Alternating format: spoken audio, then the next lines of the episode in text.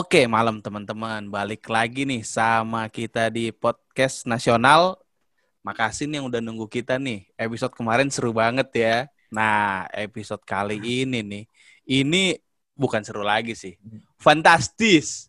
Bombastis. Bukan main yang episode kali ini nih, coy. Mi, kita mau bahas apa nih, Mi, episode ini nih, Mi? Nah, episode ini pokoknya nggak kalah menarik dan seru dari episode yang sebelumnya. Jadi buat teman-teman yang kepo episode sebelumnya, tolong didengerin juga. Habis itu langsung dengerin episode yang ini. Nah, pokoknya selalu seperti biasa nih, Bon, Gil. Kita tuh akan selalu hanya mengundang tokoh-tokoh inspiratif nasional di sini. Jadi udah Waduh. Jadi udah pasti tokoh yang kita undang hari ini juga tokoh-tokoh inspiratif nasional. Nah, tapi yang bikin ini fantastis bombastis, kita akan bahas eh, hal yang sedikit berbeda dari biasanya. Kita akan bahas kesenangan anak zaman sekarang nih. Apa tuh, Mi? Kesenangan kids zaman now. Waduh. Kita bahas tentang games intinya. Nah, mau Waduh. tahu kita bahas games tentang kayak apa? Nah, makanya eh, stay tune di sini, dengerin terus. Nah, kalau mau tahu siapa yang kita undang, monggo Kang Agil diperkenalkan tokoh inspiratif nasional kita hari ini. Buruan, Kang. Ayo, Kang. Nggak sabar Terima kasih. kasih banyak atas waktunya Bro Fahmi. Nah, teman-teman seperti biasa karena kita adalah podcast nasional ya sebelum gue kenalin nih Ma- si pematerinya si narasumber yang sangat inspiratif nasional, fantastis, bombastis malam ini. Mantap. Kita pantun dulu nih karena Mantap. kita podcast nasional kan jadi harus ada budaya nasional. Salah satu budaya nasional kita ya kita harus bawa pantun nih di pembukaan eh, apa pembukaan podcast kita jadi biar lebih menarik lagi nih. Oke, kita mulai pantunnya. Yang pertama, kalau sudah namanya cinta, berbunga-bunga rasanya hati. Kalau sudah ketemu podcast nasional, beribu-ribu inspirasi kita dapati. Oke. Gede. Cakep, cakep. Iya, iya, iya. Boleh, Gil. Boleh, Gil. Oh, Nah, ada lagi, Gil? Ada lagi cuy, gue pengen Ada lagi, lagi. Lanjut, lanjut, lanjut, materi lanjut. kita dengan pantun nih. Ikan Oke. hiu makan tomat. Cakep. Odading mang oleh rasanya seperti Iron Man. Ih, malam ini rasanya senang banget. Oh, ternyata ada Bang Jali yang keren. Oh. Jadi teman-teman, Oke, malam oke. ini Oke. malam ini nih kita kedatangan satu pemateri, satu narasumber yang inspiratif nasional. Namanya itu Bang Jali nih. Panggilannya Bang Jali ya. Beliau ini seorang eh, e-sport, manajer e-sport dari sebuah perusahaan gitu.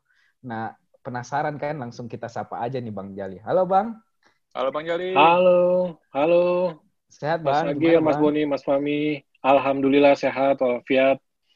Tetap bertahan di masa WFA ini. Pandemi Bang. Wes, luar Oh, biasa, Iya, Bang. iya.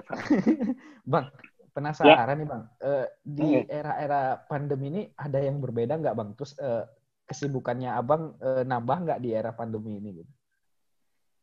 Ah, Oke, jadi emang sih Kang Agil kalau misal melihat hampir tujuh bulan ini ya pastinya banyak banget yang berubah. Kayak kalau kehidupan sehari-hari tuh udah nggak bisa beraktivitas di luar gitu kan, kayak Hmm. ngobrol atau diskusi di warung kopi atau di mall gitu ya.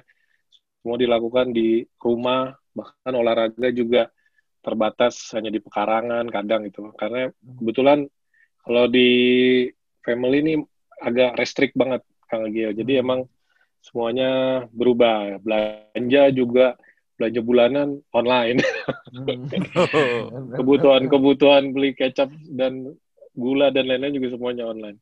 Nah, apalagi kalau misal pekerjaan, Hmm. semuanya activity-nya yang sifatnya program-program khususnya di kantor gitu ya, yang biasa dilakukan dieksekusi di lapangan, semuanya berganti dengan online. Dan yang paling eh, menyita waktu pastinya koordinasinya ya, koordinasi secara online itu kadang tidak mengenal waktu, siang, malam, semuanya siap siaga gitu menerima perintah atau memberikan disposisi lah kurang lebih gitu Hmm. jadi emang kitanya sendiri yang harus berubah ya harus nerima mau gimana lagi udah berbulan-bulan ini ya memang itu metode yang paling uh, memungkinkan dilakukan gitu kang.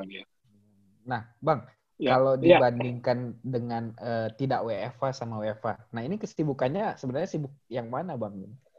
Lebih Nah. sibuk. Sebenarnya lebih sibuk sebelum WFA kali ya, karena Hmm. kalau pribadi sih, eh kalau day to day-nya nih, kalau jujur nih, siang itu kita biasanya ngerjain yang sifatnya administratif, Hmm. strategi gitu ya. Nah, malam itu baru eh, kita diskusi lagi atau misal kadang eksekusi sama tim untuk sifatnya pre-production atau production buat buat buat eh, di kemudian hari atau di setiap project yang kita tanganin. Kalau online kan biasanya karena memang eh, kegiatannya juga nggak membutuhkan waktu antara di lapangan gitu ya. Jadi eh, gimana pun juga sebenarnya secara waktu lebih lebih tidak terkonsum terlalu banyak sih. Cuman ya itu tadi kalau secara experience di beberapa pekerjaan, event atau koordinasi lainnya, feel feel lapangannya tuh hilang gitu. Hmm. Baik Oke. bagi diri kita atau Hmm. buat customer atau apa ya, buat pelanggan atau target market kita tuh engage-nya tuh agak kurang gimana gitu nggak ada nggak ada offline activity.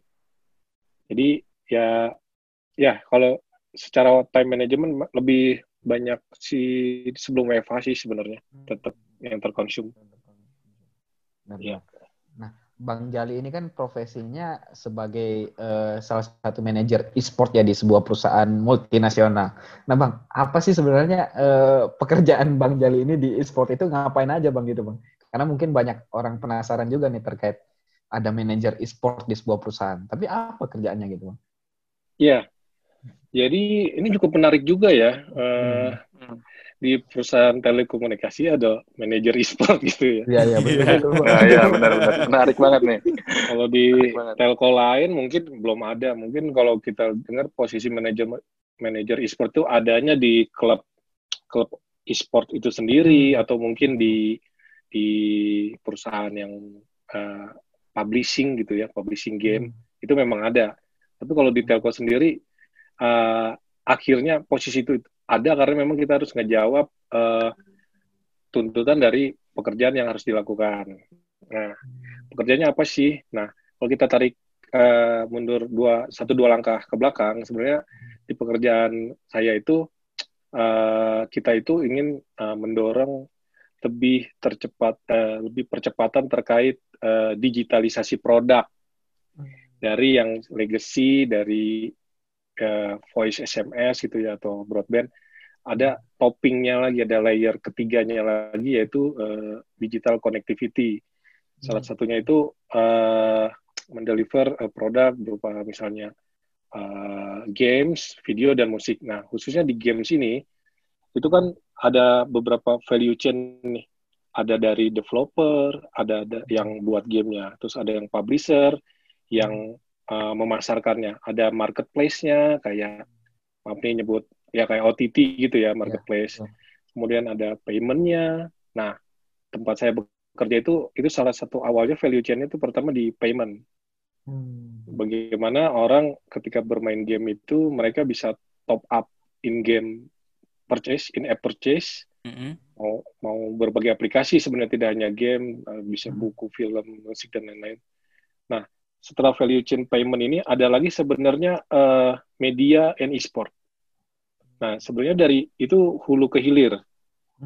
Eh, mungkin kalau kalau kalau tidak ada value chain salah satunya keputus itu nggak nggak akan jalan walaupun dari hulu biasanya ya kuenya tuh gede oke kuenya gede. Revenue-nya dari sana. Terus makin ke hilir itu makin kecil. Tapi dengan hilirnya ini itu yang menjadi katalisator si eh, value chain bisnis itu jadi besar. Contohnya gini eh, sebelum masuk ke detailnya ya. Jadi kalau misalnya satu game itu nggak ada e-sportnya atau misalnya nggak ada medianya itu nggak akan nggak akan hidup ekosistemnya tuh istilahnya bisa jadi dead game ya dead dead Oh. gym kalau kata anak netizen gamer ya Hmm.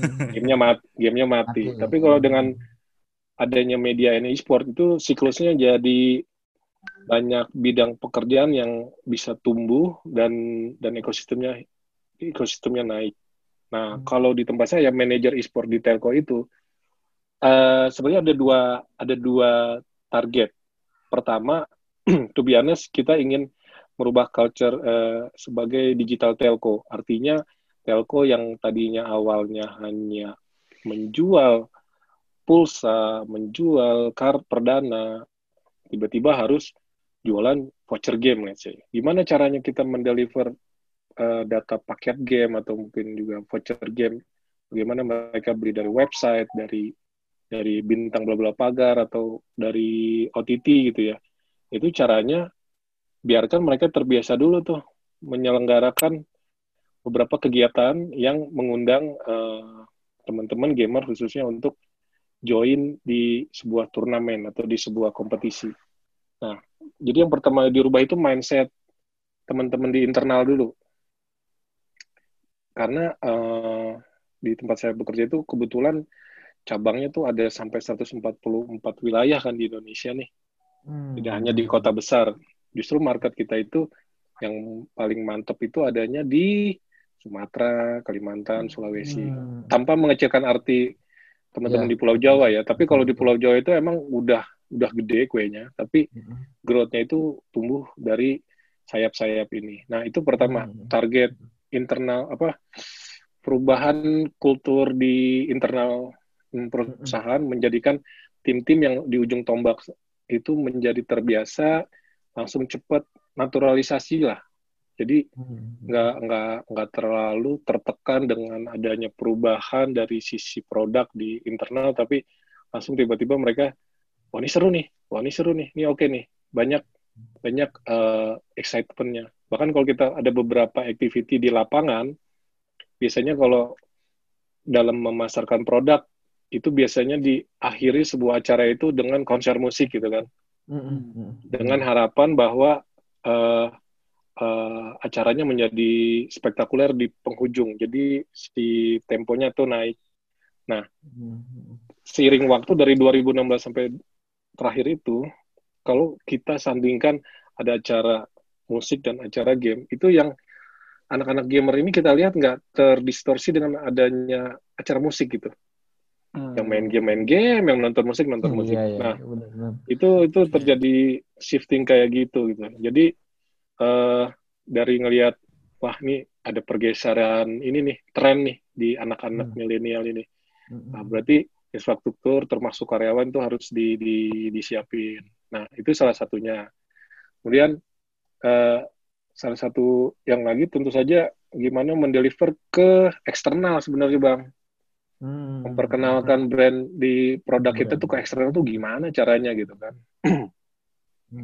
Uh, apakah kita mensponsori acara-acara dari teman-teman organizer lain atau kompetisi dari publisher lain? Sebenarnya itu akan lebih mudah, tapi kita nggak akan punya IP sendiri gitu kan, nggak akan punya engagement dengan uh, our customer atau our gamer. Gimana kita bisa tahu apa yang mereka pinginin, apa yang mereka uh, tunggu-tunggu gitu. Kalau kita nggak langsung terjun ke ke ke ke, ke dalam sana. Akhirnya uh, ya kita membuat beberapa kayak uh, kegiatan yang emang berkesenim berkesinambungan. Mulai dari qualifier turnamen turnamen kelas grassroots gitu ya kelas lokalan lah mm-hmm. warung kopi atau online di WhatsApp group Discord gitu sampai mereka itu dibawa terus ke region ke area sampai di nationwide di nasional di Jakarta. Nah, di situ ada beberapa signature event title juga yang udah kita uh, kembangkan bersama tim dari marketing, dari sales, sehingga uh, para gamers ini, terutama yang dari daerah, itu bisa berkesempatan mewujudkan cita-citanya menjadi pemain profesional di di di nasional gitu kan karena banyak sekali yang kita lihat potensi teman-teman di daerah itu uh, yang jago-jago, hmm. yang jago-jago, yang yang mungkin secara siklusnya dari bangun sampai tidur tuh kayaknya dia mereka latihan terus lah. main terus gitu. gitu. Nah, yeah, yeah, daripada kalau dan sebenarnya secara pribadi saya ngelihat kayak gamer itu kan ada dua ada dua tipe ya. Ada yang kasual kayak saya nih gitu ya yang main buat killing time terus ada juga emang yang emang yang pro gitu yang Hmm. mereka emang udah punya bakat tapi mereka belum punya jalur nah jalur wadahnya ini nih yang kita kita siapin nih Hmm. dan kita bilang kalau misalnya casual ya kalau casual ya udah kamu harus memperhatikan kayak kehidupan sosial ya ibadah Hmm. atau misal pendidikan atau tata krama lainnya gitu. Nggak usah ikut-ikutan jadi kalong gitu ya istilahnya. Nah kalau yang kalau emang dia mau jadi pro ya dia harus harus ikut organisasi harus ada klubnya gitu. Nah dari dari beberapa tadi merubah paradigma di internal kemudian juga eh, terjun ke teman-teman komunitas gamer di daerah gitu ya dan membuatkan beberapa kegiatan yang berskala lokal sampai nasional kita juga ngedevelop tim e-sport sendiri sebenarnya bang Hmm, ada Hmm. timnya Under- menarik, menarik. ada ada under eh, brand korporasi lah istilahnya Hmm, hmm. Eh, mulai dari satu tim kemudian sampai sekarang ada ada lim- kurang lebih lima divisi lah Per tim. Hmm. gitu ya itu kurang lebih sih eh, da- eh, gambaran awalnya Hmm. Fungsi manajer e-sport cuman dalam perkembangannya itu eh, akhirnya kita juga bikin divisi streaming sendiri untuk menayangkan pertandingan pertandingan secara online Hmm. Karena untuk meng-create sesuatu yang sifatnya offline kan butuh resource yang banyak nih, waktu, Ya, power. Mm-mm. Kalau online kan mungkin lebih mudah. Nah, apalagi dengan kondisi kayak gini, wah itu sangat efektif banget sih untuk kembali lagi basicnya adalah meningkatkan awareness ter- Hmm. terkait brand produk ke direct message ke para komunitas gamer ini. Betul, betul. Gitu. Menarik banget nih, Dan- Bang. dan- Jadi emang eh, dari awal baca tren terus shifting ya. Dan yang terpenting di sini eh, si Bang Jali ini ngebantu buat create ekosistemnya nih. Nih ada ekosistem yang dibuat biar gimana caranya e-sport ini naik lagi nih. Ini Luar biasa. Tadi Bang, saya penasaran sama ini, Bang. Tadi kan kita eh, Bang Jali ini bentuk tim juga ya, ngedevelop tim juga ya. Nah, kalau Iya, iya, boleh iya. tahu Bang, apa sih eh, benefit yang mereka dapatkan nih dari join di tim Abang nih? gitu? seperti kebanyakan organisasi e-sport gitu ya kalau khususnya di tim e-sport yang kita punya sekarang pastinya selain fixed income eh monthly monthly monthly fee ya istilahnya ya gaji bulanan Mm-mm. itu mereka memang dapat istilahnya fasilitas berupa gaming house gaming house Hmm. itu sebenarnya idealnya rumah lah atau kontrakan yang di dalamnya itu udah kita kasih fasilitas high speed internet, terus PC, Oh. handphone, terus eh, yang ngurus eh, operasional rumah, udah udah kayak ini aja Wah. kayak rumah rumah inilah. Bener, Kebayang kan, bener, Bang? iya. Jadi jadi tinggal bawa koper baju aja. Iya, Enak ya. gede makmur. Tinggal main. salah gitu kan. satunya. Iya. Mereka di, apalagi dikumpulin sama anggota timnya kan, jadi iya. chemistry-nya tuh dapat. Dan Wah. selain itu, pastinya dari hadiah. Umumnya tuh hadiah itu pembagiannya kurang lebih ya, ada yang 70% ke player, 30% ke organisasi. Hmm. Macam-macam, ada yang 80-20 atau 90-10. Wow. Jadi jadi dari hadiah itu udah lumayan tuh sebenarnya ya. Iya, iya benar. Oke, benar. oke, oke. Kalau ngelihat bisa tiap bulan tuh kadang bang aku nggak punya nomor rekening nih bang aku nitip nitip dulu lah bang nanti buat aku kirim ke mamaku ke bapakku gitu Wah. Nah kalau udah kayak gitu tuh kadang suka mikir kita tuh mereka juga kalau namanya punya pendapatan ya pasti inget lah sama orang tua, Orang tua, atau iya, iya. keluarganya Mm-mm, mm-mm. Nah, nah mungkin s- cerita-cerita kayak gini tuh yang mungkin nggak sampai ke ke masyarakat banyak bahwa buat beberapa orang maksudnya gini pekerjaan itu kan tidak mesti pekerjaan perkantoran ya ada yang Iya, betul, Bang. basic Betul. basicnya tuh eh speciality. Nah Hmm. kebetulan Hmm. saja anak-anak ini speciality-nya main game gitu kan. Iya, Hmm. benar-benar, Bang. Nah apa masih bisa dibilang hal yang negatif maksudnya Hmm. untuk zaman sekarang ya karena stigma itu cukup melekat Iya. sampai sekarang sebenarnya Iya sih, Bang. iya sih. Apalagi Ya, ya, kalau ya, di tempat saya mah PNS yang paling utama, Bang. Jadi kalau lu belum PNS, lu belum punya kedudukan di mata Iya, sosial. iya, iya, iya, iya. Benar, benar. Kalau kalau kayak zaman dulu kan kalau kita main game terus kan ditanya sama orang tua, "Gede mau jadi apa lo?" Kalau sekarang ada jawabannya ya kan. Saya mau jadi lemon. Iya. Saya mau Jadi. Just No Limit. Ya. Saya mau jadi Just No Limit, punya Ferrari. Punya merah. Udah pilihan, apalagi kalau udah world champion ya. Kayak Iya. Iya. M1, M1. benar. Kalau udah world champion tuh mau ngomong apa aja bebas lah. Iya, bebas. Nah, Yes. jadi apa jadi duit istilahnya. Dia punya channel YouTube dia- jadi duit, Duit punya ya. Instagram jadi duit. Iya, punya komunitas soalnya dia ya, Bang ya. Benar. Ketika gamenya tadi ya itu balik lagi ke value chain tadi tuh bang. Setelah Hmm. setelah jadi player dia dapat hadiah. Kalau udah pensiun dia bisa jadi influencer, bisa jadi caster, bisa jadi youtuber, atau masih dipanggil ke acara-acara apalah jadi pembicara gitu kan. Hmm. Eh, atau dia bikin tim lagi sendiri banyak banget sih, banyak banget yang Hmm. bisa dikembangkan. Asal misalnya si ekosistem gamenya bagus ya. Hmm. Oh Hmm. iya, betul, Hmm. betul. Tuh. Karena Iya. memang sebenarnya nih udah beberapa game khususnya kalau kami kan konsentrasinya di game mobile nih. Mm-mm. Itu tuh uh, life cycle-nya bisa jadi nggak terlalu panjang. Jadi game itu turun naik lah. Selalu nanti ada satu gameplay baru, game brand game yang baru yang akan menyedot perpindahan shifting. Oke, Hmm. oke. shifting. oke. Jadi selama masanya masih wangi nih, Mm-mm. wanginya masih kerasa di hidung kita nih, ya kita harus cepet-cepet di sana.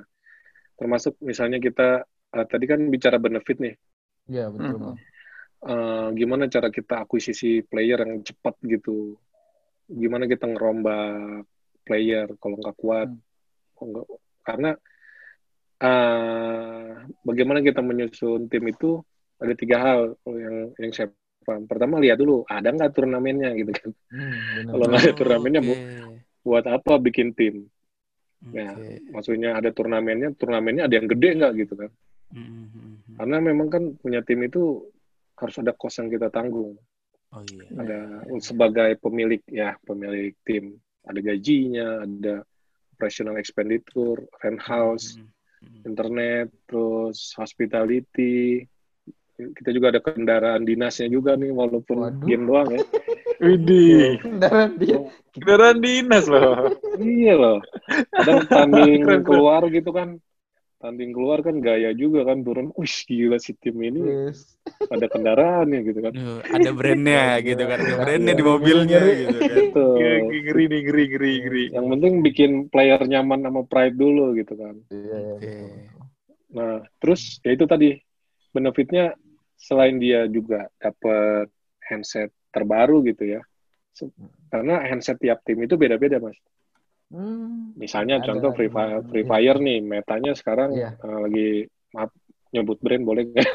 Boleh, merek- Boleh, boleh, nggak apa-apa. Eh, Asus ROG 2 nih misalnya. Hmm. Mm-mm. Misalnya Mobile Legend lagi iPhone XR. Ya udah lah itu kita mau nggak mau beli kan. Oh Waduh, Daripada gitu. kalau kalah. Nyala-nyalain. Nah, itu benefit benefitnya. Hmm, up to date Terus- juga ya berarti dari ini dari gadgetnya bang ya. Nah, terus sekarang suka dipakai di bintang iklan atau endorse. Itu juga buat benefit buat mereka. Oke. Menarik, Atau sponsor di atas misalnya di atas kerjasama di atas 5 juta kita berhak turut campur nih untuk mengatur bagi hasilnya kata-kata. Karena yang dijual dari tim e-sport itu sebenarnya IP-nya kan, Ya, brandnya. Brandingnya. branding. Iya. ya. Kalau Iya. hadiah itu mostly masuknya ke player lah. Biasanya organisasi nggak akan terlalu eh, menjadikan itu eh, revenue-nya. Tapi kalau IP-nya brandnya udah jadi, kadang oke dipakai buat produk ini, produk itu. Nah, Hmm, itu tuh baru baru baru jadi tuh barang. Betul. Masuk tuh barang. Masuk tuh barang. Tuh. Digoreng terus ya.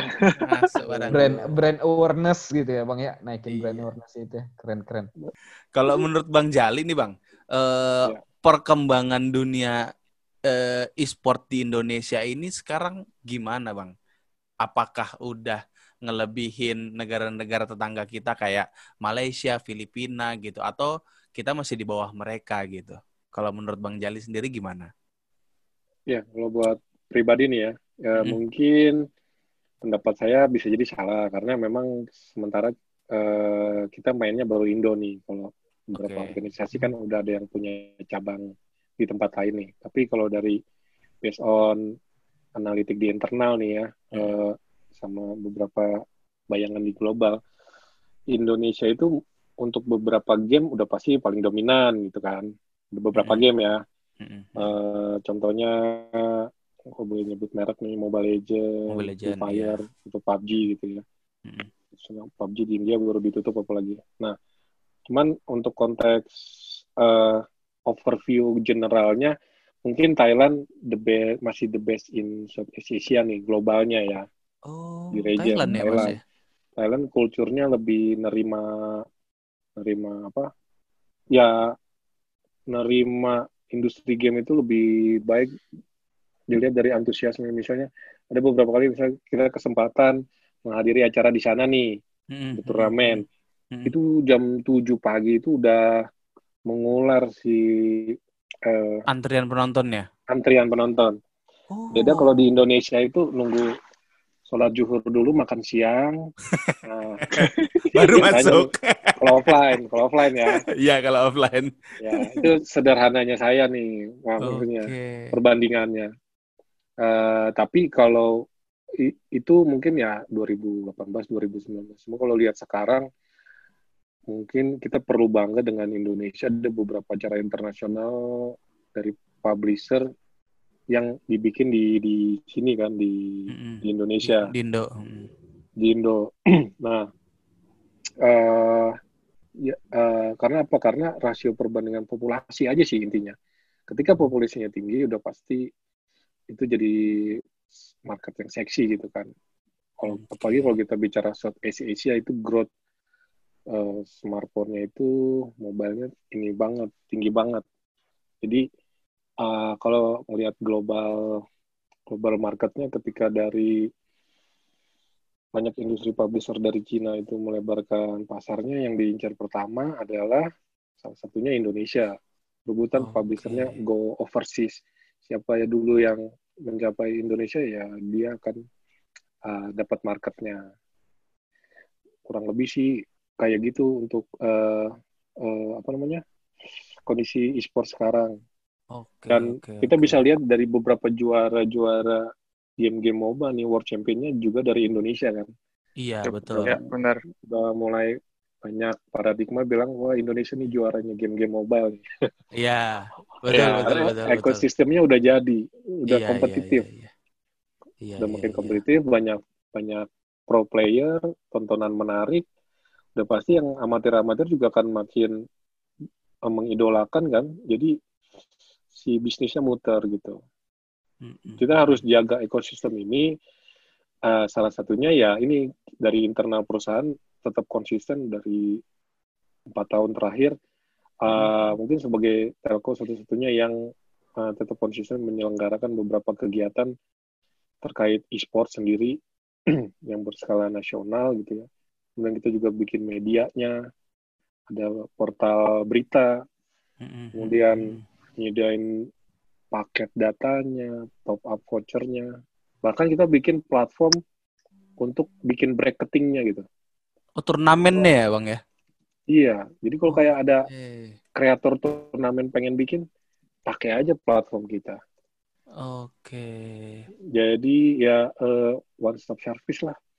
Mau baca Oke, beritanya ada, mau top up vouchernya ada. Bahkan Mm-mm. mereka bisa berkomunikasi dan sharing dokumen di platform tersebut. Oke. Ya misalnya Mas Agil mau bikin turnamen Mobile Legend nih, Mm-mm. tinggal create sebuah turnamen di situ, terus kita tinggal promo udah jadi landing page-nya. Once dia daftar, dia akan terge- tergenerate grup beserta uh, fitur tadi voice dan ya semacam kayak messenger. Hmm, Oke. Uh, ini ini salah satu salah satu uh, upaya kita untuk uh, tetap berkontribusi di industri e-sport. Jangan sampai dicederai nih. Jangan sampai Waduh. Ini nah. Berat nih, banyakin berat drama kan, Tapi drama memang sebenarnya itu yang bikin seru ya. iya betul. Gelam-gelam Gimiknya itu seru. Iya. Gimiknya seru memang drama itu. seru. Tapi berarti kalau kulihat sebenarnya dari tempatnya Mas Jali sendiri udah gimana ya konsisten banget sih menurutku karena yang tadi kayak kita lihat beda sama Thailand mungkin eh, kita masih beda di ekosistemnya gitu kan. Nah, gimana caranya bangun ekosistemnya supaya kita nih bisa lebih maju nih seperti Indo. Nah, itulah yang dilakukan oleh Bang Jali and Teams gitu sebenarnya supaya Iya, iya. gimana ekosistemnya maju sebenarnya kalau yang sekarang kata Mas Jali bener sih Indonesia nih udah mulai megang nih yang mobilenya gitu kan untuk gamer-gamer pro-nya. Kalau menurutku mungkin sebenarnya kita dari dulu banyak gamer pro cuma dulu itu kan turnamennya banyaknya PC ya Mas ya kayak Dota, Bener. CS gitu kan. Nah mungkin nggak semua orang bisa punya PC tapi sekarang semua orang bisa punya handphone gitu kan. Iya, barulah keluar ini bakat-bakat dari grassroots ini gitu kan. Oke Benar, man- benar. mantap sih Ini menarik banget ya, maksudnya eh, ternyata tuh e-sport itu atau main games ini sekarang ya udah bukan cuma sekedar jadi hobi tapi udah bisa jadi pekerjaan juga nih ya, Bang Jali ya sekarang tuh. ya. Iya. Nah, tapi kalau menurut Bang Jali sendiri nih Bang, kalau untuk pro player sendiri ya, untuk pekerjaan pro player sendiri, itu sebenarnya pekerjaan yang sustain nggak sih Bang sebenarnya? Hmm. Kalau untuk sekarang nih, kalau menurut Bang Jali? Oke. Kalau boleh dijawab jujur, kalau pekerjaan sustain mungkin sebagai pro player eh sebagian kecil yang sustain. Oke. Artinya kalau emang emang karena yang paling berat itu eh, bagi pro player itu kan dia selalu berada di puncak prestasinya kan dan dia harus bermain secara kolektif nih. Di situ banyak naik turun motivasi itu pasti biasanya naik turun. Kadang udah nggak berprestasi, ah gue mundur. Atau misalnya diberkahi dengan bakat dan dia jago, ya terus-terusan tuh setelah jadi pro player, pensiun pun bisa jadi influencer, let's say. Bisa bikin cafe gitu atau coffee shop gitu ya. Eh, tapi sebagian besar memang kita melihat masih belum sustain. Hmm. Jadi kalau misalnya ada yang berprestasi, itu memang lebih baik itu dikembangkan secara proper. Artinya tidak boros, mengembangkan skill lain, menambah uh, networking, mengupgrade device-nya sendiri mungkin dibandingin mengupgrade penampilannya gitu kan. Atau benar karena masih masih banyak yang yang cukup punya HP baru, sepatu yang ya gitu sneaker sneaker yang Yang hype beast ya, hype ya. ya habis itu that's it. Jadi eh ya sebagian besar mungkin belum sustain, sebagian besar. Oke, nah sebenarnya mau nyambung juga nih, eh challenge-nya nih, Bang Jali, challenge paling besar nih untuk memanage sebuah tim e-sport apa sih, Bang? Kalau dari pengalamannya Bang Jali nih.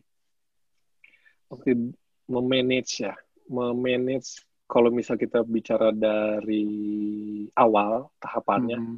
yang paling susah itu sebenarnya cari bibitnya, Hmm. cari bibit yang ca- cari Bibit unggul. bibit Bibit unggul, bibit unggul. Bibit unggul ya. mau Iya, jadi Arsenal Gil. atau mau jadi Real Madrid nih kan. benar, benar, benar. Nah, mau bik mau ngambil dari akademi, kita bikin dari akademi, dari grassroots, dari guild-guild gitu ya. Kita bikin kecil-kecilan, audisi lah. Baru kita ambil satu, kita gabungin beberapa yang jago-jago. Nah, itu takes time. Tapi murah. Oh, Atau beli oke. player jadi dari tim sebelah yang udah habis kontrak. Tapi amit-amit kalau kita poaching nggak pernah ya. Eh, tahu kan poaching? Tahu, tahu. Nah, poaching itu yang paling kita hindarin lah. Eh, kita kalau mau cara singkat pasti beli pemain. Cuman harganya udah naujubila tuh. Karena ada beberapa turnamen official yang gede-gede udah diatur, ada Windows transfer, ada minimum transfer. Bisa 250 juta per kepala istilahnya kan. Buset, semali itu bang. Semali itu, Bang. Kok udah kayak pemain bola, Bang? bola. Iya, lagi pemain bola. Itu untuk mencegah poaching tadi, Bang. Kalau nggak diatur, Oh. tinggal di DM-DM aja kan. mau juara Oke, nggak oke, oke, oke, oke. gabung oke. tim kita gitu kan. Itu 250 juta itu selevel kelas apa bang? Kalau maksudnya kelas biasa aja apa udah kelas lemon itu? Kalau Iya. Nah, kelas biasa lah pastinya, pasti kelas Waduh, biasa. kelas lemon saya bayar berapa? Kalau yang udah eksklusif, turnamennya udah eksklusif ya artinya tidak open gitu kayak Oke. kayak di MPL. Saya nggak tahu tuh harganya. One. Waduh. Udah nggak jelas, udah beberapa berita udah standar satu juta USD. Satu juta USD. Wah. Ya karena Gila, biasanya gila. yang yang dibayar itu adalah sisa kontraknya, bro. oh, Sisa gitu. kontraknya sama nilai valuasinya. Oke. Ya contoh, contoh misalnya kalau di bola kan yang dibeli kan bukan Ronaldo-nya kan, tapi Ronaldo Hmm. sama jersey yang lakunya berapa gitu. Iya kan. betul. Menghitung Iya, Betul, benar, betul. benar. Itu karena mereka emang aset lah. Intinya jatuh-jatuhnya salah satu yang bisnis beriringan dengan e-sport itu adalah talent management, bro. Hmm, Oke. Hmm, Karena player lo itu juga sebagai artis gitu kan. talent ya. Iya. Dia akan dikip yang bintang-bintangnya akan akan dikip, dipupuk terus untuk eh jadi sumber IP baru. IP-nya tidak hanya organisasi tapi juga dari player-playernya. Hmm. Nah, gimana supaya mereka nggak di senggol-senggol sama yang lain, jadi ikut kontraknya yang panjang dengan angka yang fantastis itu misalnya ya. Hmm. Ah, kemudian kalau ada orang mencoba-nyoba mau nawar, Mm-mm. silakan nih sekian. Nah itu tuh yang yang bikin nilainya Mahal. jadi Fantastis. jadi mantap. ya. industrinya Waduh. jadi jalan. Gitu. Mungkin berminat bang jadi pro player. Tapi ini menarik banget ya. Eh, Bang Jali, eh, kalau transfer pemain antar e-sport ini mirip kayak di bola nggak sih? Emang ada transfer window-nya atau anytime selama harganya cocok, eh, cincainya dapet gitu ya, itu boleh langsung pindah atau memang oh hanya hanya boleh di bulan-bulan tertentu atau Kalau selama di musim, kalau selama ada musim turnamen Mm-mm. itu diatur. Hmm. Oh. Misalnya misalnya turnamen 6 pekan nih, 6 weekend. Yap.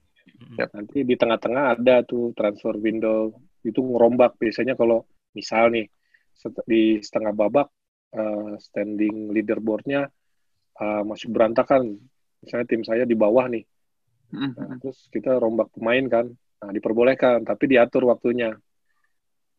Ada yang ngambil dari istilahnya yang free transfer gitu kan dari komunitas.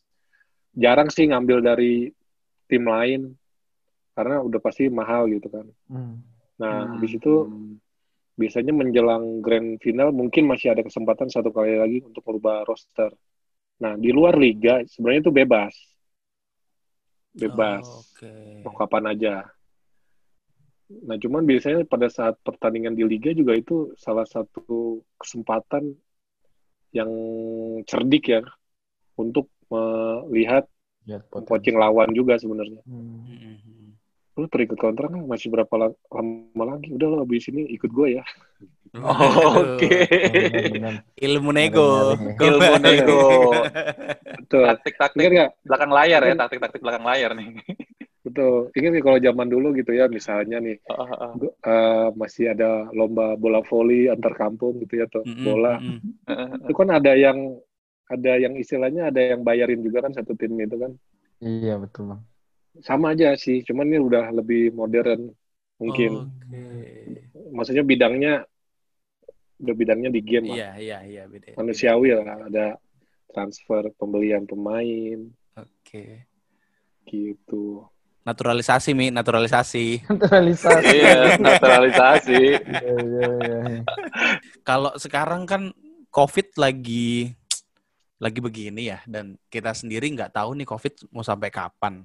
Nah, untuk eh, e-sport sendiri untuk turnamen-turnamen besar itu ada impact nggak sih karena COVID ini, Bang? Ada impact. Pertama ke kalau buat publisher sendiri gitu ya, yang yang yang punya gamenya sendiri, Mhm. mereka eh, biasanya kan mode turnamen itu ada liganya dulu Mm-mm. eh, satu setengah bulan bisa eh, ya enam pekan atau 8 pekan nanti biasanya ada grand finalnya Oke, Nah, iya. ada ada satu publisher yang semuanya serba online Oh, oke. karena nggak berani karena mungkin mikirnya daripada wasting di offline toh nggak Mhm. bisa ditonton orang juga dengan fully online gitu kan Cuman Oke. mungkin disiasatin ditambah kamera-kamera lagi atau Hmm. uh, metode yang memvalidasi bahwa pemain itu sungguh-sungguh bermain playernya sendiri nggak dijokin atau gitu ya ah, Nah. ah, ah. ada juga uh, publisher yang uh, ngerubah mereka mainnya offline tapi nggak ditonton artinya close door turnamen Oke. mungkin sewa studio baik studio yang di luar atau di studio station TV gitu ya Dia blok setiap masuk player harus di rapid test dulu setiap pekan terus dia main. Misalnya contoh kayak Free Fire dia main di di station MNC gitu ya 16 tim. Tapi nggak nggak ada yang boleh nonton di onsite. Kalau MPL kan uh, semuanya serba online. Masuk Oke. uh, kita juga di Indonesia Games Championship kemarin semua uh, online. Nggak ada closed door. Nah hal ini dialami semua pihak sih tidak hanya publisher kayak kita juga third party organizer istilahnya juga Mm-mm. mengikuti pola itu dan kita nggak tahu ini sampai kapan nih manjang lagi kan kalau dengar Iya. berita terakhir kalau dengar dari asosiasi organizer juga belum ada yang mendaftarkan acara-acara secara masif gitu yang sifatnya offline Mm-mm, mm-mm. yang ya mungkin brand-brand event lain tuh belum terdengar lagi ya akan ada di sampai akhir tahun sampai kuartal satu juga saya rasa semuanya pas apa ya istilahnya ya setengah lah Oh, gitu siap-siap ya. online atau offline Oke. beresiko sih sebenarnya bang sebelum mungkin ada berita baik gitu ya terkait Oke, pandemi oke, ini. oke. Nah, kalau misalkan eh apa eh, turnamennya jarang kayak gitu, apakah ada impact tuh Mas ke mana? Ke ke Mas Jali sebagai manajer e-sport karena kan kayak tadi kita tahu eh tim e-sport itu kan juga banyak dapat income kan sebenarnya dari itu juga ya, dari hasil turnamen-turnamen yang mereka ikuti gitu kan. Nah, Benar. dengan sekarang turnamennya sedikit itu ada impact nggak sih ke ke Oh, timnya Mas Jali? Gini. Sebenarnya saya koreksi sedikit, turnamennya sebenarnya nggak sedikit-sedikit banget, cuman polanya yang berubah jadi online. Oke. Nah, kalau polanya online, kalau yang sifatnya besar gitu ya atau medium Hmm. itu nggak ada masalah. Oke. Tapi kalau misalnya buat turnamen-turnamen kecil yang kelas-kelas di ya di coffee shop gitu ya, Hmm, internet hmm, cafe, hmm. udah pasti eh, berkurang tuh Oh, eh, si apa namanya kesempatan untuk bertanding. Nah kebetulan kan kalau pro tim nggak main di level situ ya, mainnya di Oke. Di level turnamen nasional besar ya. Mas ya. ya Hmm, Jadi, secara jumlah pertandingan nggak nggak turun jumlahnya, cuman Oh. metodenya aja yang sedikit berganti. Oke. Dan itu mempengaruhi juga eh, gameplay teman-teman sih, karena tanding di offline sama di online itu beda sih ininya Nah, ya mentalnya. kan apa Bener-bener. emosinya Bener-bener. tuh beda gitu Mas. Iya. Feel-nya beda, feel-nya. euforia. Euforianya beda. Tanpa ada penonton soalnya. Paling enak kan mengintimidasi lawan kalau di Iya. Iya, iya, benar, benar, benar, benar. Itu omongan pro player Mi, itu omongan pro player Mi. Iya, iya, Iya. Iya. syaraf pokoknya. itu kalau teriak-teriak itu lawan jiper juga bro. Pagi kalau kita udah menang, nice, nice, waduh. Iya, iya. Menarik, Iya menarik. juga sih ya. Menarik Menarik sih, menarik. menarik. Oke, Bang, eh, mau nanya terkait ini, Bang. Sebenarnya eh, apa sih visi Bang Jali ini untuk e-sport Indonesia gitu? Buat e-sport ini, wah ini top. Eh, iya. Pertanyaan sederhana, jawabannya Wah, luas. harus Justru itu, harus Bang. bujangga, harus Iya. bujangga ini Bang. Justru itu eh. Bang Jali ini kan sebagai tokoh inspiratif, Inspiratif nasional. nasional. Jadi memang harus ngomonginnya Indonesia nih. Eh, jadi kalau visinya ya, sebenarnya kalau bicara generalnya eh, kita ingin menciptakan dan menjaga ekosistem ini sebenarnya terus menerus Hmm. berkesinambungan, memberi kesempatan bagi player-player di daerah khususnya eh, untuk dapat eh, ya mengadu skill, mengadu nasib di kancah eh, e-sport nasional. Caranya itu eh, dengan mem- kita mengadakan beberapa kegiatan yang konsisten dilakukan dari grassroots. Tanpa ada Hmm. grassroots, nggak akan ada turnamen nasional, industrinya nggak akan ada, nggak akan ada influencer, nggak akan ada pro player. Jadi yang kita sasar adalah eh, e-sport yang sehat, bukan e-sport yang apa-apa duit di depan, hadiah yang besar, pro-pro tim yang udah nasional yang ada di kota-kota besar gitu ya. Tapi memang kita eh, nyari nyari bibit-bibit baru di setiap saat untuk menjadikan mereka tuh eh, sosok bintang baru karena beberapa tim atau beberapa player bisa ditemukan dari sebelum mereka jadi pro itu ditemukan dari beberapa turnamen turnamen kita yang kita selenggarakan sebenarnya. Cuman nggak enak juga kalau disebut siapa gitu seolah-olah ngaku-ngaku. Tapi emang kalau kita lihat ada beberapa tim daerah udah berprestasi di turnamen kita, direkrut tim sebelah, eh tiba-tiba manjang terus di skala nasional. Nah, itu sedikit hiburan buat kita kepuasan salah satunya.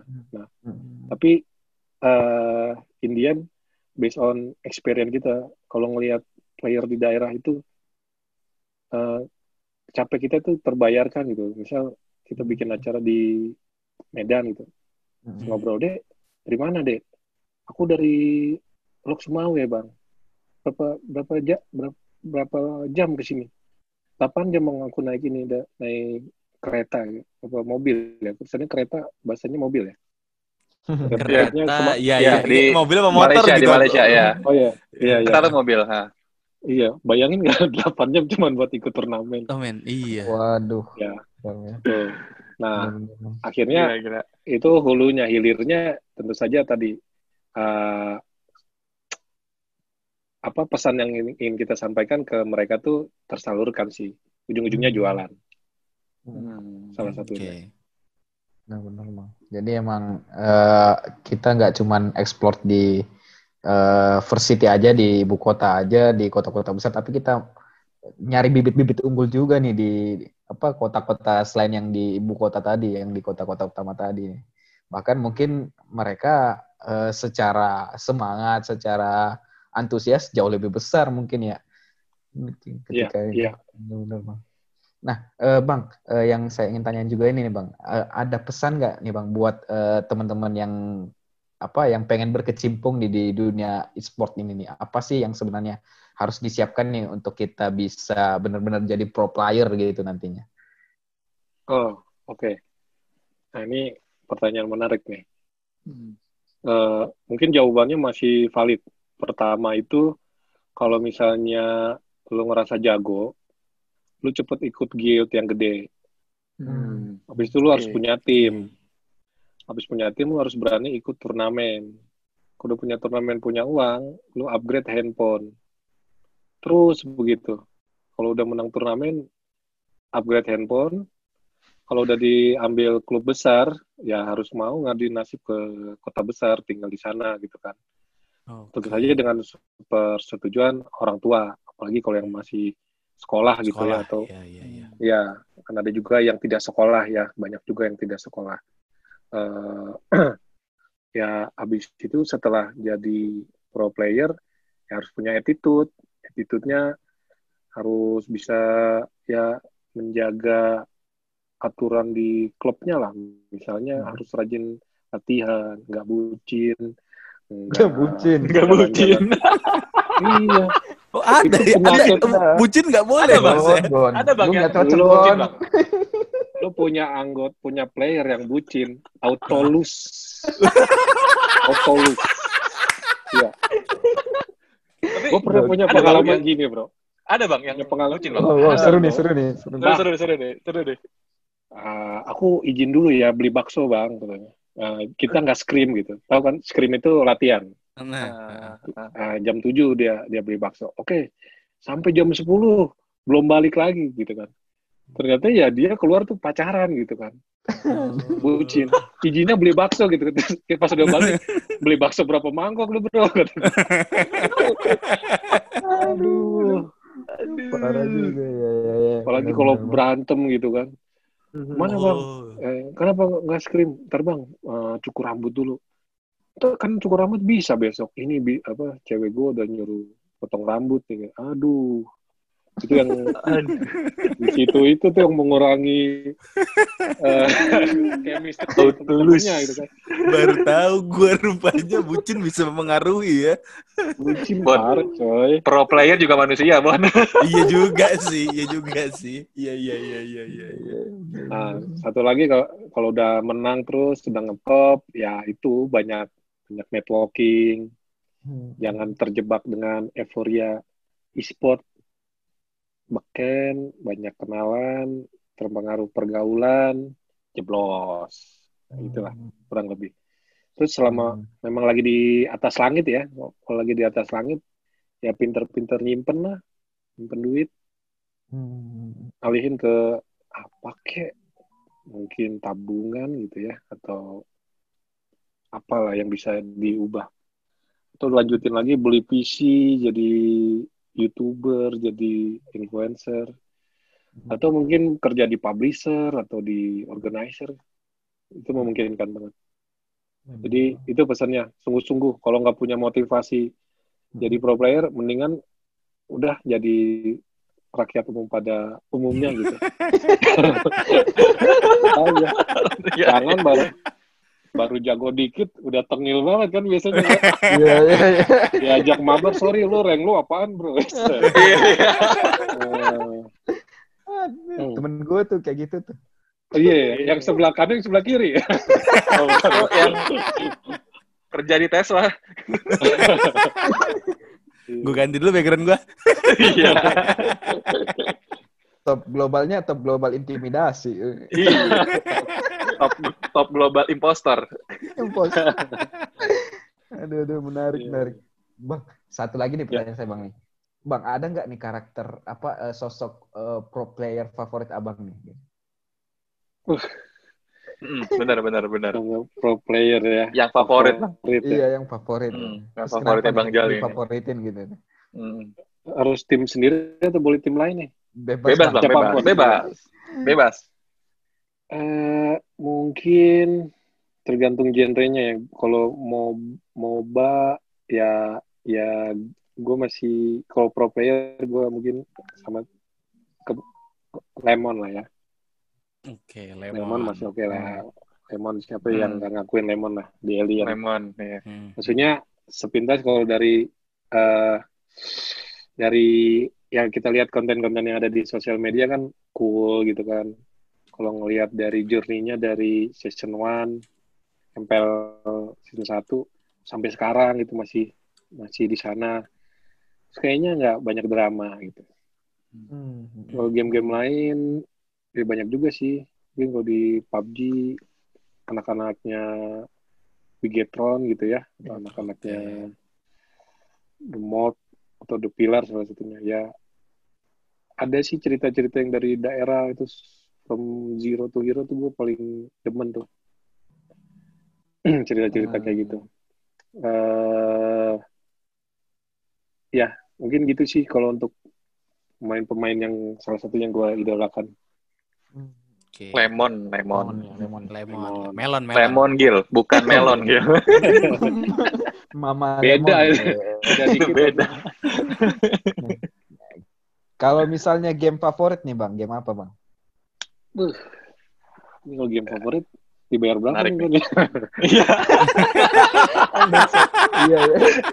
Waduh. Jadi publish- Ador. Oh, ntar gue temen gue ntar publisher publisher ini lagi. Oh iya, jadi iya, gitu jangan lah, ya, ya udah, udah, nggak usah bang, sensitif kayaknya bang. Gua gua gue dari genrenya aja. Kalau Ya, dipilih ya. MOBA sama Battleground, gue mas 60% masih MOBA. Karena kalau Battleground mata gue agak siwer-siwer nih, tembak-tembakan. Oh, gitu. Iya. Adil kan? Ada ya, ada. ya. Oke, oke. Betul, betul, betul. Fair play, fair play. Fair play, fair Karena play. kalau Indo dari dulu genrenya gitu-gitu aja sih. Kalau nggak MOBA ya, Coba FPS, FPS, iya. Battleground. Ya, benar. Ada sih MMORPG tapi eh, eh, lebih nggak terlalu masif lah. ya MOBA MOBA masih juara. Apalagi bentar lagi ada brand baru nih mau pemain baru nih bakal masuk dari Riot LOL, akan menambah League of Legends Ya. ya mas? uh, Bukan. li- ya LoL Wild Rift. Iya LOL Wild Rift. LOL LOL kan sebenarnya udah game Udah ada. PC Di juga. PC Ah, ada, udah, iya. udah game di Ah. PC dia. Betul, ada yang PC kan sekarang versi mobile nih. Bisa nggak nih ngegeser kakak kakaknya yang sudah duluan Kakak. gitu kan? Iya. ya, ya, ya, ya, benar-benar. Gue taunya LOL itu boneka cuy. Iya. Ya, mainnya mainnya boneka nih Kang Agil Beda nih. Gil. Makanya Beda, ke pantai Gil. mulu Gil. Iya, Buat beliin, beliin anak, beliin anak. Oke nih, Bang Jali, se- eh, ini last last question from this session ya, asik. Karena tadi ngomongin game jadi ke bawa ngomong bahasa Inggris nih. Eh, ini Bang, eh, ada nggak sih Bang? eh, ini mungkin sama apa minta closing statementnya lah dari dari Bang Jali nih sebagai seorang manajer e-sport untuk eh halayak ramai di luar sana gitu kan. Ada nggak Bang pesan yang pengen disampaikan nih Bang? Eh, pesannya pertama hmm, mungkin gini eh, di masa pandemi ini kembali lagi kita menganjurkan untuk selalu menjaga kesehatan kebersihan Hmm. relatednya dengan bermain game udah pasti juga menjaga jam tidur kebersihan handphonenya jangan digeletakin sembarangan atau pola hidup eh, yang kurang sehat harus dihindari terus eh, harapannya juga buat para gamers yang ada di di pelosok pelosok wilayah Indonesia gitu ya eh, terus pupuk motivasinya gitu ya ikuti segala kesempatan yang ada untuk untuk mewujudkan cita-citanya baik di nasional ataupun lebih di global gitu. Jangan patah semangat bahwa industri ini sebenarnya eh, sangat menjanjikan. Udah banyak contoh-contoh yang bisa kita lihat. Jadi eh, selama kamu punya waktu dan motivasi yang kuat eh, jangan pernah menyerah mencapai mimpinya gitu. Keep keep motivated lah. Dan dan selamat berjuang sampai bertemu di turnamen-turnamen baik yang diadakan oleh kami maupun publisher. Wis, mantap. And let's be the Keren, keren. winner gitu Wih, Gokil. Gitu. Emang keren Noel. mantap Emang Winner-winner tokoh inspiratif chicken dinner ya? Winner, winner, chicken dinner. winner winner chicken dinner boleh Iya. Winner-winner chicken dinner ya. Bener, bener, bener. Jadi emang Bang Jali ini tokoh inspiratif nasional ya. Fantastis, bombastis. Waduh. Luar biasa pokoknya. Toko inspiratif nasional, fantastis, bombastis, luar biasa. Bener, ada yang kurang lagi nggak udah udah semua ya kayaknya aduh digombal ini Alhamdulillah nih Bang, kita udah sampai di penghujung podcast kita nih pada malam hari ini nih Bang. Terima kasih banyak nih. Tadi udah nyampein closing statementnya, ngasih kalimat motivasi, kali ngasih insight-insight eh, buat eh, teman-teman di sana yang pengen jadi pro player gitu kan. Luar biasa banget nih pada malam hari ini. Nah seperti biasa nih Bang, karena tadi kita awali dengan pantun, dan Hmm. kita akan akhiri juga dengan pantun nih. Jadi biar eh, brand podcast podcast nasional ini selalu menjadi eh, nasional Sustain gitu, ya? Bang. Iya, Konsisten. Konsisten. Konsisten. konsisten itu improve dan tidak bucin ya. Iya. Keep improve dan tidak bucin. Bucin Iya, adalah iya. awal dari kekalahan. Ingat. Luar biasa. Oke, buah kedondong, buah kesemut, buah naga, buah apel, buah manggis, buah durian. Itulah nama-nama buah. Daripada panjang lebar, kita mending Aduh, gue nunggu twistnya loh dari tadi. Gua nunggu. Gua nunggu dia nyebutin nama buah. ya, daripada panjang lebar lagi, kita mending udahan dulu cuy. Jangan lupa dengerin terus podcast nasional. Saya Agil Setiawan bersama rekan saya, Saya Boni. Saya Fahmi dan narasumber yang luar biasa kita, Mas Rezali Surya, atau biasa kita panggil dengan Bang Jali. Gitu. Oke, Terima thank, kasih. Terima kasih thank banyak. you Bang Jali. Ya, Thank you. Bye. Thank you, bro.